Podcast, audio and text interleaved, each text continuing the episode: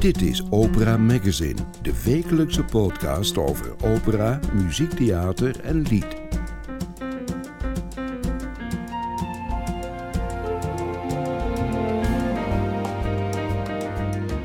In deze aflevering van Opera Magazine hoort u hoe sopraan Lilian Farahani zich heeft voorbereid op de rol van Zerdina in Don Giovanni. En welk repertoire Raoul Stefani koos voor zijn tweede CD. De rode draad is Magdalena Krojena. Welkom bij Opera Magazine. Klassieke opera en klassiek lied in deze aflevering van Opera Magazine. Straks vertelt bariton Raoul Stefani over zijn nieuwe CD die net verschenen is en waarop hij met een grote naam uit de klassieke wereld samenzingt. Toen ik van Challenge Records de, de kans kreeg om dit op te nemen, ben ik natuurlijk gaan zoeken naar de meest optimale eh, manier om het te kunnen presenteren. En ehm, ja, uiteindelijk is het inderdaad met Magdalena gelukt. De plaat is helemaal gewijd aan het werk van Robert en Clara Schumann. Maar nu eerst naar Lilian Farahani, die de hele maand november bij de Nationale Opera de rol van Zerlina in Don Giovanni zingt. Op een draaiend podium, en dat luistert nou, zo bleek bij de generale. Als ik nu niet iets doe, dan hebben we dadelijk technici op het toneel die die schoen moeten weghalen. Ook daaraan moet een solist denken bij het zingen van haar rol.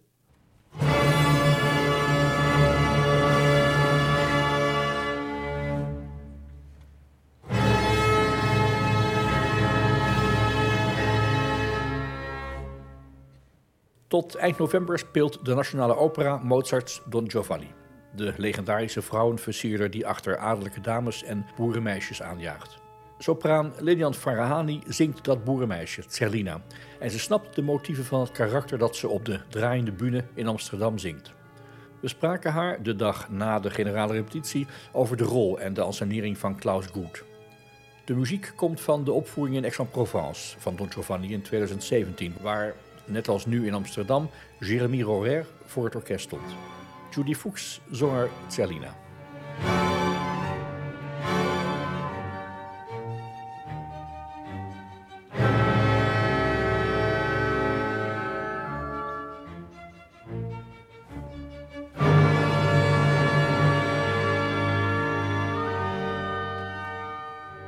Dramatische en veelbelovende ouverture is voor het publiek in de zaal echt het begin van Don Giovanni. Je komt in de sfeer van het verhaal en in de sfeer van de opera. Maar Lilian Farani, jij bent Zerlina, pas na een dik half uur op het podium.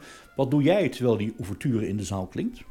Uh, op het moment dat de ouverture start, uh, uh, sta ik meestal op uit mijn kap- en griemstoel. Dus tot aan start van de show zit ik in de kap en griem. En dan heb ik eigenlijk een vrij uh, strak programma nog tot aan mijn opkomst van de kleding aantrekken, uh, nog even de laatste noten inzingen. Het inzingen heb ik dan eigenlijk voor Kap en Griem al wel gedaan. Maar dat is nog eigenlijk even handen wassen, plassen, aankleden en go. Dus uh, dan is zo'n half uur ook best snel voorbij. Maar jij moet het spelen, wij hoeven alleen maar te kijken in de zaal. En toch moet je ook in die sfeer komen. Wat is dan voor jou de manier om in de sfeer van de muziek en het verhaal te komen? In de rol die je gaat spelen en die je gaat zingen? Nou ja, dat is ook wel het fijne aan uh, pas na een half uur op het, uh, op het toneel hoeven verschijnen. Dat de muziek en luisteren naar mijn collega's, dat brengt mij al direct in dat verhaal. En tegelijkertijd is mijn eerste opkomst meteen uh, in, in de zesde versnelling. Dus ik moet wel zorgen dat ik in de kleedkamer al echt in die uh, energie terechtkom. Dus meestal zing ik dan even mijn openingsduet uh, Giovinette che fate all'amore. Um, die zing ik dan even goed door en een, een, beetje springen, een beetje zorgen dat die hartslag omhoog gaat, zodat je uh, meteen kunt knallen. Je moet er meteen zijn als Cerlina. Drie sopranen in Don Giovanni.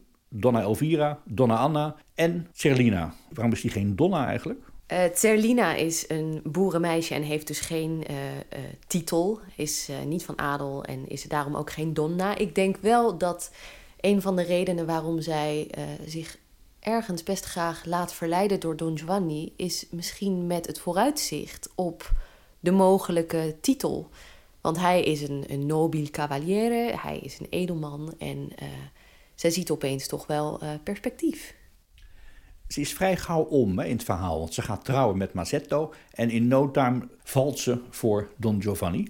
Om dat te kunnen zingen moet je het ook snappen. Snap jij iets van die omslag die zij maakt, zo net voor haar huwelijk, ineens met een vreemde kerel? Ja, sterker nog, ze is, ze is al getrouwd. Uh, ze, zegt ook uh, uh, van ja, maar meneer, hij, hij, u heeft het over mijn man.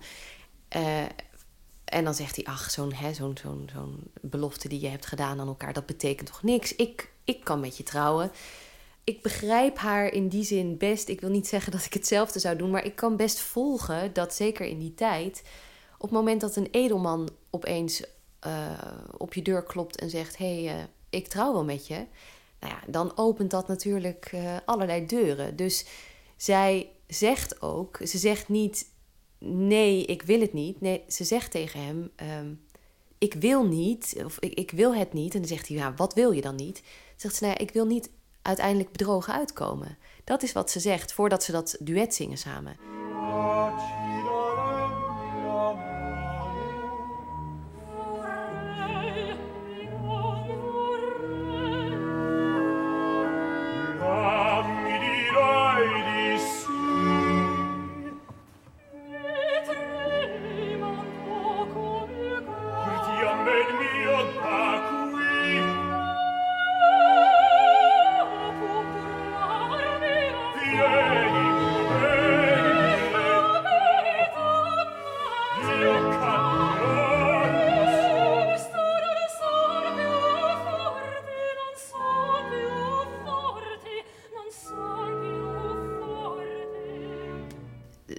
Gaat het er meer om van, uh, van ja, als ik hier nou meega, dan ga je me toch niet uiteindelijk toch nog laten zitten.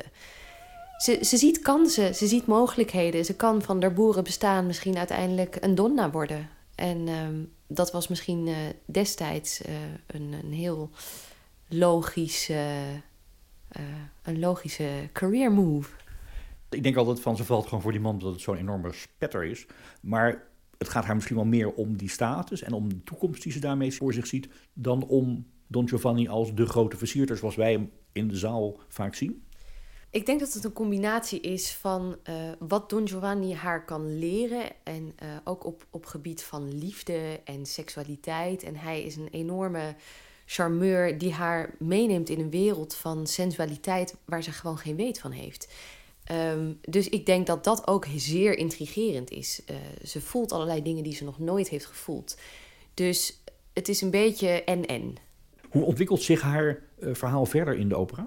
Nou ja, ze, ze wordt verleid, uh, ze gaat erin mee, komt uiteindelijk toch bedrogen uit en keert terug naar haar mazzetto. die haar schoorvoetend toch weer toelaat. En dat weet zij door leuke manipulatieve spelletjes, weet ze hem toch weer onder vinger te winden. Uh, wat wel heel interessant is aan deze regie, uh, is dat Zerlina een toch nog meer ontwikkeling doormaakt. Namelijk, um, we zien echt een stukje, we zien een stukje berouw, maar we zien ook dat ze er heel veel van geleerd heeft. Dus in de tweede acte heb ik nog een, een tweede aria, Vedrai Carino, wat eigenlijk net als de eerste aria een soort verleidingsaria is. Maar in de tweede acte is die door de regisseur niet als zodanig geïnterpreteerd meer als een reflectiemoment van: Goh, wat is mij nou overkomen? Wat, wat heb ik geleerd? Ik ben niet meer wie ik was. Ik heb iets van de wereld gezien en ik heb, ik heb iets van de liefde en verleiding begrepen, wat mij heeft veranderd. En met die wetenschap en met die vergaarde kennis besluit ze dat, um, dat dat toch niet is wat ze wil. Dat ze er veel van heeft opgestoken, maar dat ze liever teruggaat naar haar man. En dat misschien de, uh, de ervaring die ze met Don Giovanni heeft verkregen, dat ze die graag met haar Mazzetto wil beleven.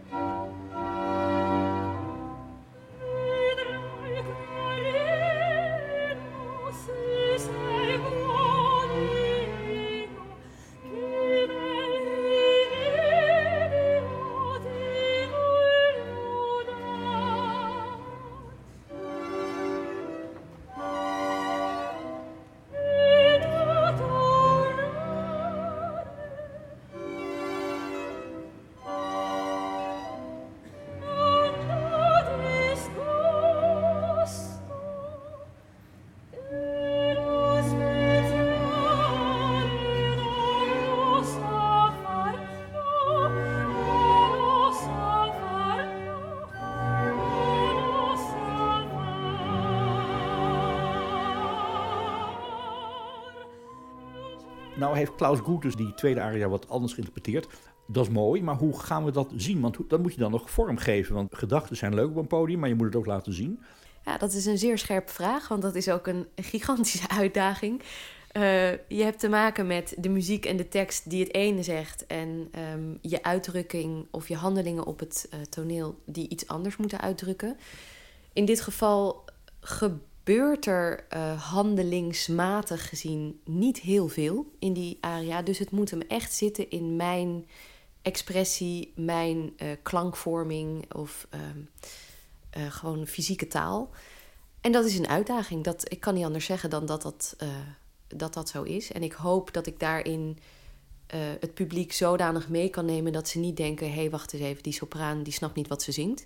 Maar dat ze begrijpen dat daar een, een dubbele laag in zit. Productie ging eerder in Amsterdam, een paar jaar geleden. De cast is grotendeels veranderd. Betekent ook voor jou dat je niet hebt kunnen creëren aan de rol zoals die toen door Klaus Goed is bedacht in deze uh, van hem. Nou ja, de revival director uh, herneemt de productie. Dus die zorgt dat jij in de basis uh, alles doet zoals het ooit gedaan is. Uh, en tegelijkertijd moet je zelf proberen een invulling te geven. En nou ja, dat is nog tot op de dag van vandaag ben ik nog bezig om hier en daar zodanig te schaven dat het voor mij natuurlijk voelt. En die ruimte wordt uiteindelijk ook wel gegeven, omdat we moeten uiteindelijk met deze cast iets, iets overtuigends op de bühne neerzetten. Gisteravond was de generale repetitie met een volle zaal. Dan is dan aan het eind dat applaus. En dan maakt je, het publiek maakt dan een balans op. Hè? Die zegt dan van, nou, die vond ik mooi, die vond ik niet mooi. Wat voor soort applaus was er gisteravond bij die generale? Ja, echt een daverend applaus. Dat was ontzettend leuk. Uh, het was een uh, Opera Flirt XL uh, productie. Of, Jonge mensen in de zaal? jonge mensen tot 35 jaar en die energie voel je enorm. Uh, die, die mensen zitten soms voor het eerst bij een opera. Uh, de kaartjes waren goedkoop, dus laagdrempelig voor jonge mensen om naar de opera te gaan. En dan is het dus ook binnen no time uitverkocht. En voor mij is dat wel een teken dat we op die manier dus echt wel het jonge publiek in de zaal kunnen krijgen. Dat lukt gewoon kennelijk. Ja, dat lukt gewoon. Sterker nog, binnen twee, drie dagen was het uitverkocht. Dus wat heel leuk is, is dat uh, deze mensen niet vastzitten in het idee dat je bijvoorbeeld tussen de, tussen de aria's door uh, niet mag klappen. Of ze uiten zich gewoon op het moment dat ze iets heel grappig vinden, dan wordt er hard gelachen. Op het moment dat ze het mooi vonden, dan gaan ze klappen. En dat is voor ons heerlijk. Uh, om een beetje die feedback te krijgen. En aan het eind werd er gejoeld en, en, en geschreeuwd en daverend applaus. Dus dat geeft een heel goede boost. Dat is een fijne start van de reeks. Er komen een aantal voorstellingen aan met een decor. Dat is de laatste weken herbouwd. Veel bomen op een draaischijf. Daar is nog wel wat gedoe mee met die draaischijf. Want je moet voortdurend ook draaien op de timing van het verhaal en de muziek, begreep ik. Heb jij daar veel last of gemak van, van die draaischijf? Uh, nou ja, ik uh, moet er gewoon op blijven staan. Zorgen dat ik er niet vanaf kukel op het moment dat, uh, dat hij gaat draaien. dus het is vooral voor stage management, voor de voorstellingsleiders en techniek is dat een, een uitdaging. Je zou denken, oh nou ja, heb overzichtelijk. Je moet gewoon even een schijfje draaien, maar dat is dus nog niet zo simpel. En uh, vervolgens hoop je ook dat uh, de dirigent de tempi neemt op basis waarvan de, de timing van die schijf is ingesteld. Dus uh, dat luistert allemaal nog best wel nauw. En daarnaast moeten we ook zorgen dat, en dat is wel iets voor ons op de bühne, dat er geen kleine attributen in de gleuf van die schijf terechtkomen. Zoals gisteravond zag ik opeens mijn schoen op een soort assenpoester wijze van die, van die heuvel afrollen. En precies in de gleuf van die schijf terechtkomen met de hak. En toen dacht ik, nou, volgens mij, als ik nu niet iets doe, dan hebben we dadelijk technici op het toneel die die schoen moeten weghalen. Dus dat is wel iets voor de zangers om goed op te letten dat er niks uh, daar uh, in de weg komt te liggen. Jeremy Rorer, de dirigent, noemde hem al even. Werkt dat prettig met hem? Het is een ongelooflijk bevlogen, uh, inspirerende man. Hij heeft uh, waanzinnig veel muzikale ideeën. Hij uh, weet de boel echt naar een hoger plan te tillen. Dus dat is ongelooflijk spannend. Tegelijkertijd ook heel eng. Als iemand zo goed weet wat hij wil, dan krijg je dus niet gewoon aan het einde van, van de avond een schouderklopje met nou goed gedaan. En dan heeft hij altijd nog een hele waslijst aan dingen die hij zou willen verbeteren. Um, maar goed, dat gaat uiteindelijk denk ik wel uh, voor ons werken. Want generale geweest, première binnenkort. En dan komen er nog heel veel kansen om nog lekker door te werken aan die rol en aan de productie. Hier ben je Cerlina. Je bent een van de weinige zangeres die in één seizoen zowel een Cerlina zingt als een Elvira. Maar dan niet Donna Elvira, maar wel weer op een hele mooie plek. Dat klopt, ja. Ik eh, mag Elvira in L'Italiana in Algeri zingen. De partituur ligt hier, heel dik. Ja, heel dikke partituur. Uh, van Rossini bij de zaterdagmatinee. Dus dat uh, gaat in februari plaatsvinden. Iets om naar uit te kijken. Verder ben je veel in Essen te horen. Ik dacht ineens, uh, je draagt in Don Giovanni een witte trouwjurk. En die jurk komt je vast bekend voor, want je hebt de laatste twee zomers ook al in een witte trouwjurk op een podium gestaan. Ja, dat klopt inderdaad. Op de socials uh, posten we natuurlijk altijd een beetje wat, uh, wat foto's van producties. En daar krijg ik nu ook regelmatig uh, berichten van... oh, je specialiseert je in bruidjes en dat soort zaken. ja, dat klopt. Op de een of andere manier ben ik vaak de bruid. Of, um, nou ja, of de Pamina's in een, in een maagdelijk wit jurkje. Maar meestal toch de bruid. Ja. Die twee zomers zong je in Innocence, nieuwe opera van Kaya Sariao... Die is gemaakt in Aix-en-Provence. Vorige zomer gerepeteerd, afgelopen zomer première. Je haalde er zelfs met de foto de New York Times mee, volgens mij.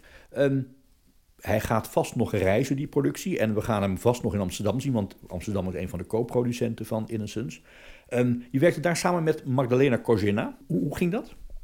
Ja, ontzettend uh, leuk. Heel bijzonder om met uh, een aantal echt coryfeeën uit het vak uh, te werken. Waaronder Magdalena Kozina, Sandrine Pio ja, dat was ontzettend inspirerend. Vooral omdat je als uh, meisje of als studenten heb je dan cd's van haar in de kast... en opeens sta je samen op de bühne en dan denk je... nou, jij zal wel... Hè, jij bent zo gearriveerd dat je nooit meer ergens bang voor bent... of uh, um, niet meer aan jezelf twijfelt. En het is prachtig om te zien wat voor vakvrouw het is... en hoe ongelooflijk gedegen zij zich voor alles voorbereidt. En voor mij was dat ook weer een, een les die ik eigenlijk al geleerd heb, maar waarvan ik toch weer dacht: ja, zie je wel.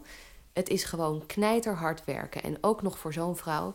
En tegelijkertijd is ze hartstikke bescheiden en collegiaal en vriendelijk. En uh, ja, dat kan dus. Hard werken en ontzettend vriendelijk zijn. Ik kan het ook vragen aan Raoul Stefani, want die heeft net een cd met haar gemaakt. Schumann, Diederen, Clara en Robert Schumann, die komt deze week uit. Zal ik Raoul gaan bellen om te kijken hoe zijn ervaringen waren met uh, duo-partner Magdalena Kozina voor die Schumann-cd? Dan gaan we eens horen van hem hoe hij uh, de samenwerking ervaren heeft en hoe die cd geworden is. Zullen we dat doen? Ja, gezellig. Doe hem de groeten. Ik bel hem nu. En daar ben je, Raoul Stefani, aan de telefoon met een goede reden, namelijk het verschijnen van de CD. En die heet Love's Spring. Engelse titel, Duitsstalige muziek. Een CD met onder andere duetten samen met Magdalena Kozena. Vind jij er ook zo'n vakvrouw? Eh, ja, natuurlijk. Ik ben ontzettend blij dat zij aan dit album heeft willen meewerken.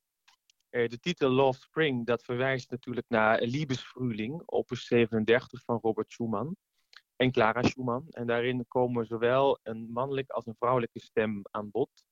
En ja, het is natuurlijk geweldig dat zij daarin de, de vrouwelijke stem en daarmee de liederen van Clara Schumann eh, voor haar rekening wilde nemen. Ja, absoluut. Het was een wens van je om die Schumann-stukken op te gaan nemen, begreep ik. Ja, en, en, zeker. En gecombineerd met de losse duetten van Robert Schumann. Want hij heeft natuurlijk fantastische duetten gecomponeerd die we helaas heel weinig horen.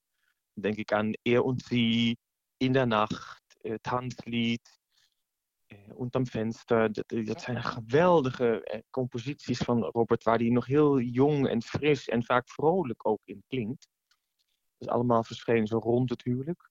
En dat was samen met de Liebesfrühling, waar ook wat korte duetten en dus de afwisseling tussen man en vrouw in zitten, wel echt mijn wens. Omdat je daarmee ook een soort dialoog tussen Robert en Clara op gang kunt brengen. En wat ook wel de aanleiding was om, om Clara hier heel bewust uh, in mee te nemen. Want er komt wel eens vaker een Schumann-album uit. Maar heel vaak is dat toch alleen Robert Schumann.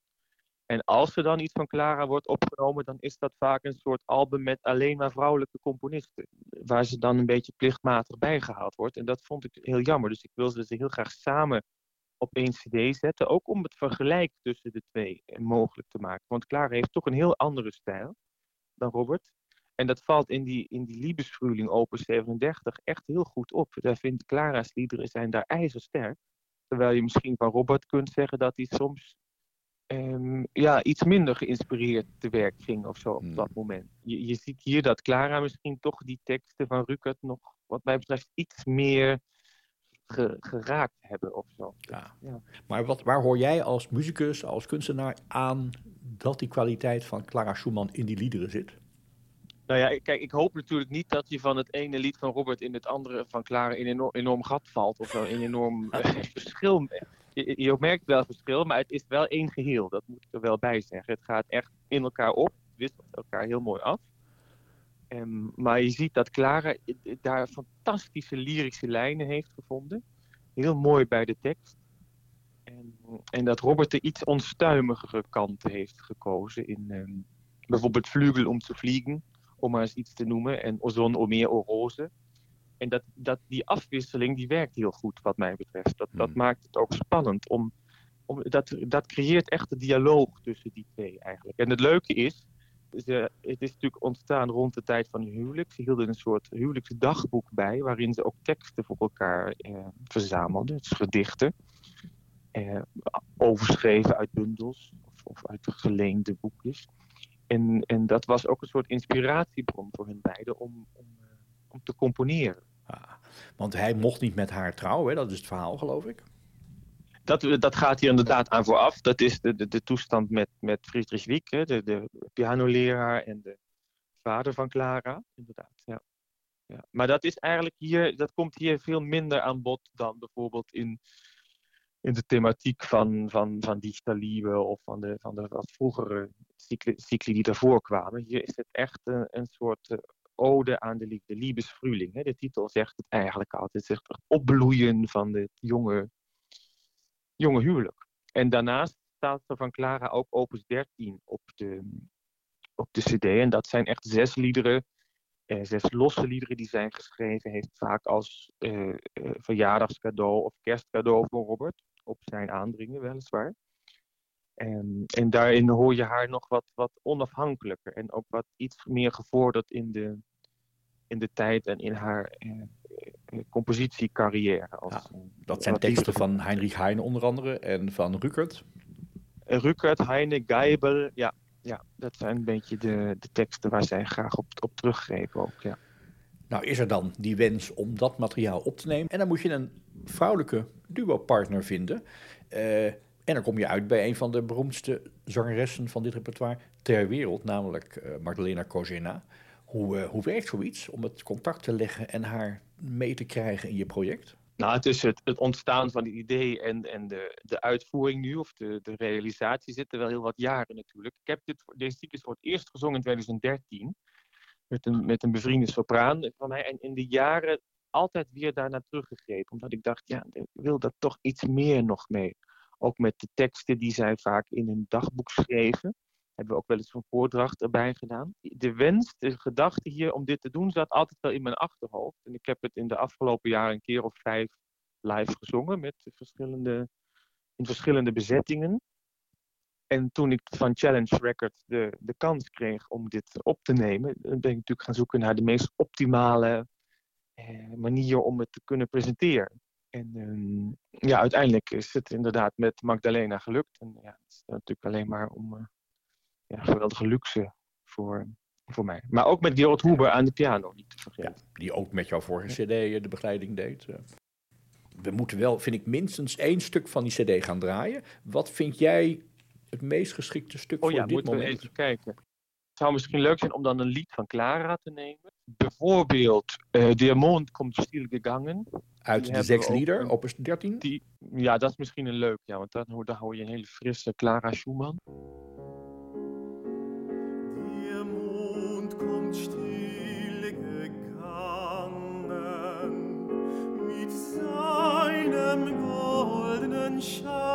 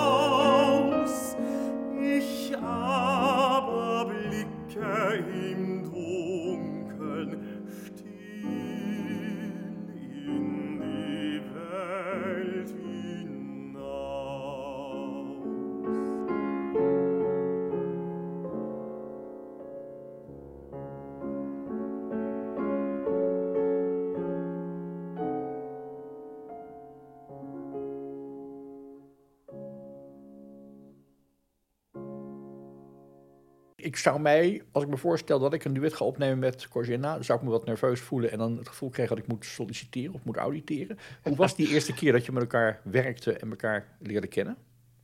Nou, het auditiegevoel had ik gelukkig niet echt meer, want ik had haar eerder al mijn eh, eerste CD gestuurd, of gegeven. En die had ze beluisterd en eh, dus ze wist wel een beetje wat, wat, wat ik deed en, en hoe, de manier waarop ik muziek maak.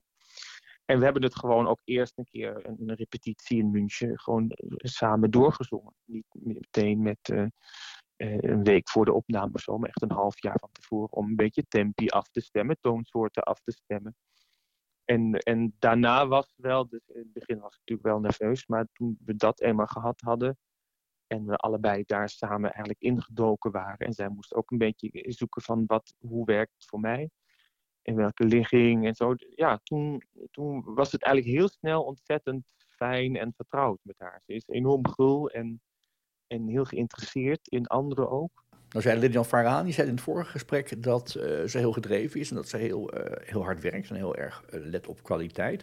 Ehm, nou heb je twee ook een idee van hoe het zou moeten. Botst dat dan wel eens bij een opname? Je hebt twee dagen in april in Berlijn opgenomen. Is er ook wel eens gedoe van, nou maar dit gaan we heel anders doen dan jij het nu doet? Nee, is er totaal niet geweest. Nee. nee. We hebben twee dagen inderdaad samen opgenomen en daarna heb ik nog een paar dagen alleen opgenomen, omdat ik natuurlijk nog meer zing. Maar eh, we hadden het wel goed voorbereid. Dus we, hadden van tevoren afgestemd welke tempi willen we. En, en pro- proberen het iets wat sneller, proberen het iets langzamer. Maar we, hadden heel, we zaten heel veel op dezelfde lijn. Ik, kan het niet anders zeggen. Eh, nou, het zou misschien leuk zijn om ook een van de duetten van Robert Schumann te laten horen. Dan denk ik bijvoorbeeld aan Eer und Sie. Op een tekst van Kerner. Dan gaan we die nu laten horen en gaan we even luisteren hoe dat klinkt als jij met Magdalena Corgina en Gerald Huber in de studio staan en hoe mooi Schumann dan klinkt.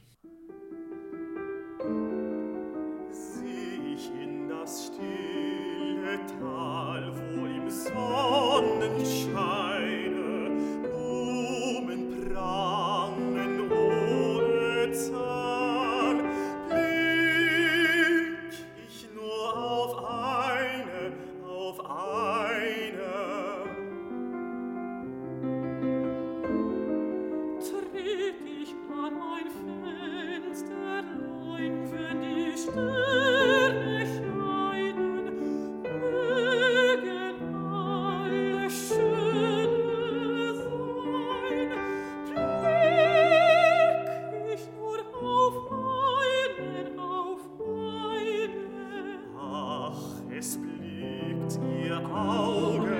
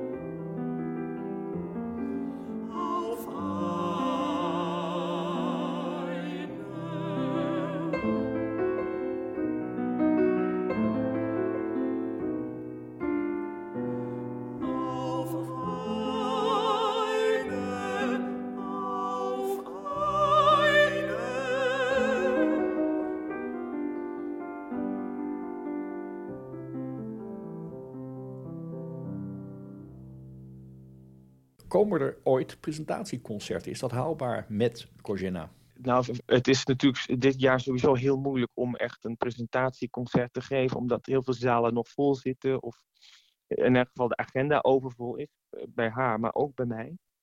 En dus we gaan wel ons best doen, maar voorlopig is, het, eh, is de presentatie eh, op, op, op 5 november meer de release zelf. En ooit wellicht in wat eh, deftiger zalen die het kunnen betalen, jullie tweeën met Gerald Huber eh, in een recital. Is er wel een wens of een plan om ooit samen op een podium te staan? Met Gerald Huber Nou, niet te vergeten. De wens natuurlijk absoluut. En ik hoop heel erg dat we dat in de nabije toekomst toch nog een keer mogelijk kunnen maken. Maar het is echt een kwestie van agenda's en eh, het afstemmen met de zalen ook. Dat we telefonisch eh, contact hebben is omdat jij druk onderweg bent. Je bent net opgedroogd van een paar weken eh, in het noorden in Friesland eh, voor Peter Grimes, waar je net Keen zong. Een paar recitals gegeven, hè? succesvol op het Internationaal Liedfestival Zeist, waar je met Camerata Arcio gespeeld hebt. Op weg nu naar Frankrijk voor Ramiro. Ja, het was inderdaad een hele drukke eh recitalmaand na Peter Grimes. Ik geloof dat ik gisteren was het achtste recital deze maand en ook even het laatste voorlopig. Want nu staat Ramiro in, in eh L'Heure Espagnol weer op het programma. Een productie van de opera van Lyon. En we gaan nu op tournee naar de opera van Toulon in eh, Zuid-Frankrijk. Prachtig natuurlijk aan de kust en eh, ge- geweldig. Dus Ik verheug me er enorm op. En er staat overigens ook een monument van Heinrich Heine in Toulon. Dat in, na wat omzwervingen in de oorlog terecht is gekomen. Dus in die zin is de cirkel weer rond, zou je kunnen zeggen. Nou, dat lijkt me wat voor een Instagram-post. Wie weet, ja. Moeten we eerst nog even zoeken. Tot slot, de mensen die je graag willen horen kunnen in Nederland toch nog aan hun trekken komen. Want je gaat kerst- en nieuwjaarsconcerten doen in een paar zalen in Nederland. Met, eh, deels met Letitia Gerard samen en Fion, zelfs in Amsterdam in het Concertgebouw. Ja, dat is een tournee nieuwjaarsconcerten inderdaad. Met Fion en eh, onder leiding van Enrico de Lamboye. En dat, eh, dat zijn in januari een, een vijf, zestal concerten. En later in maart is, heb ik ook weer een heel aantal recitals, onder andere in de Doelen, Rotterdam. Ja, dus het, eh, het komt weer behoorlijk op gang, gelukkig, het eh, programma. Maar er staat ook een Italienisches Liederbuch in de Stadsgehoorzaal in Leiden op het programma.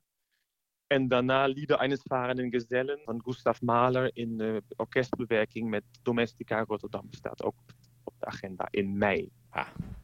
En wie jou in Schumann wil horen, kan gewoon naar de platenwinkel. En misschien wel op Spotify, maar laten ze vooral naar de platenwinkel gaan voor Love's Spring. Raoul Stefani, Magdalena Cogina en Gerald Huber op één CD. Veel plezier in Frankrijk, Raoul Stefani, en dankjewel voor je tijd. Heel graag gedaan. Dit was Opera Magazine, productie François van den Anker.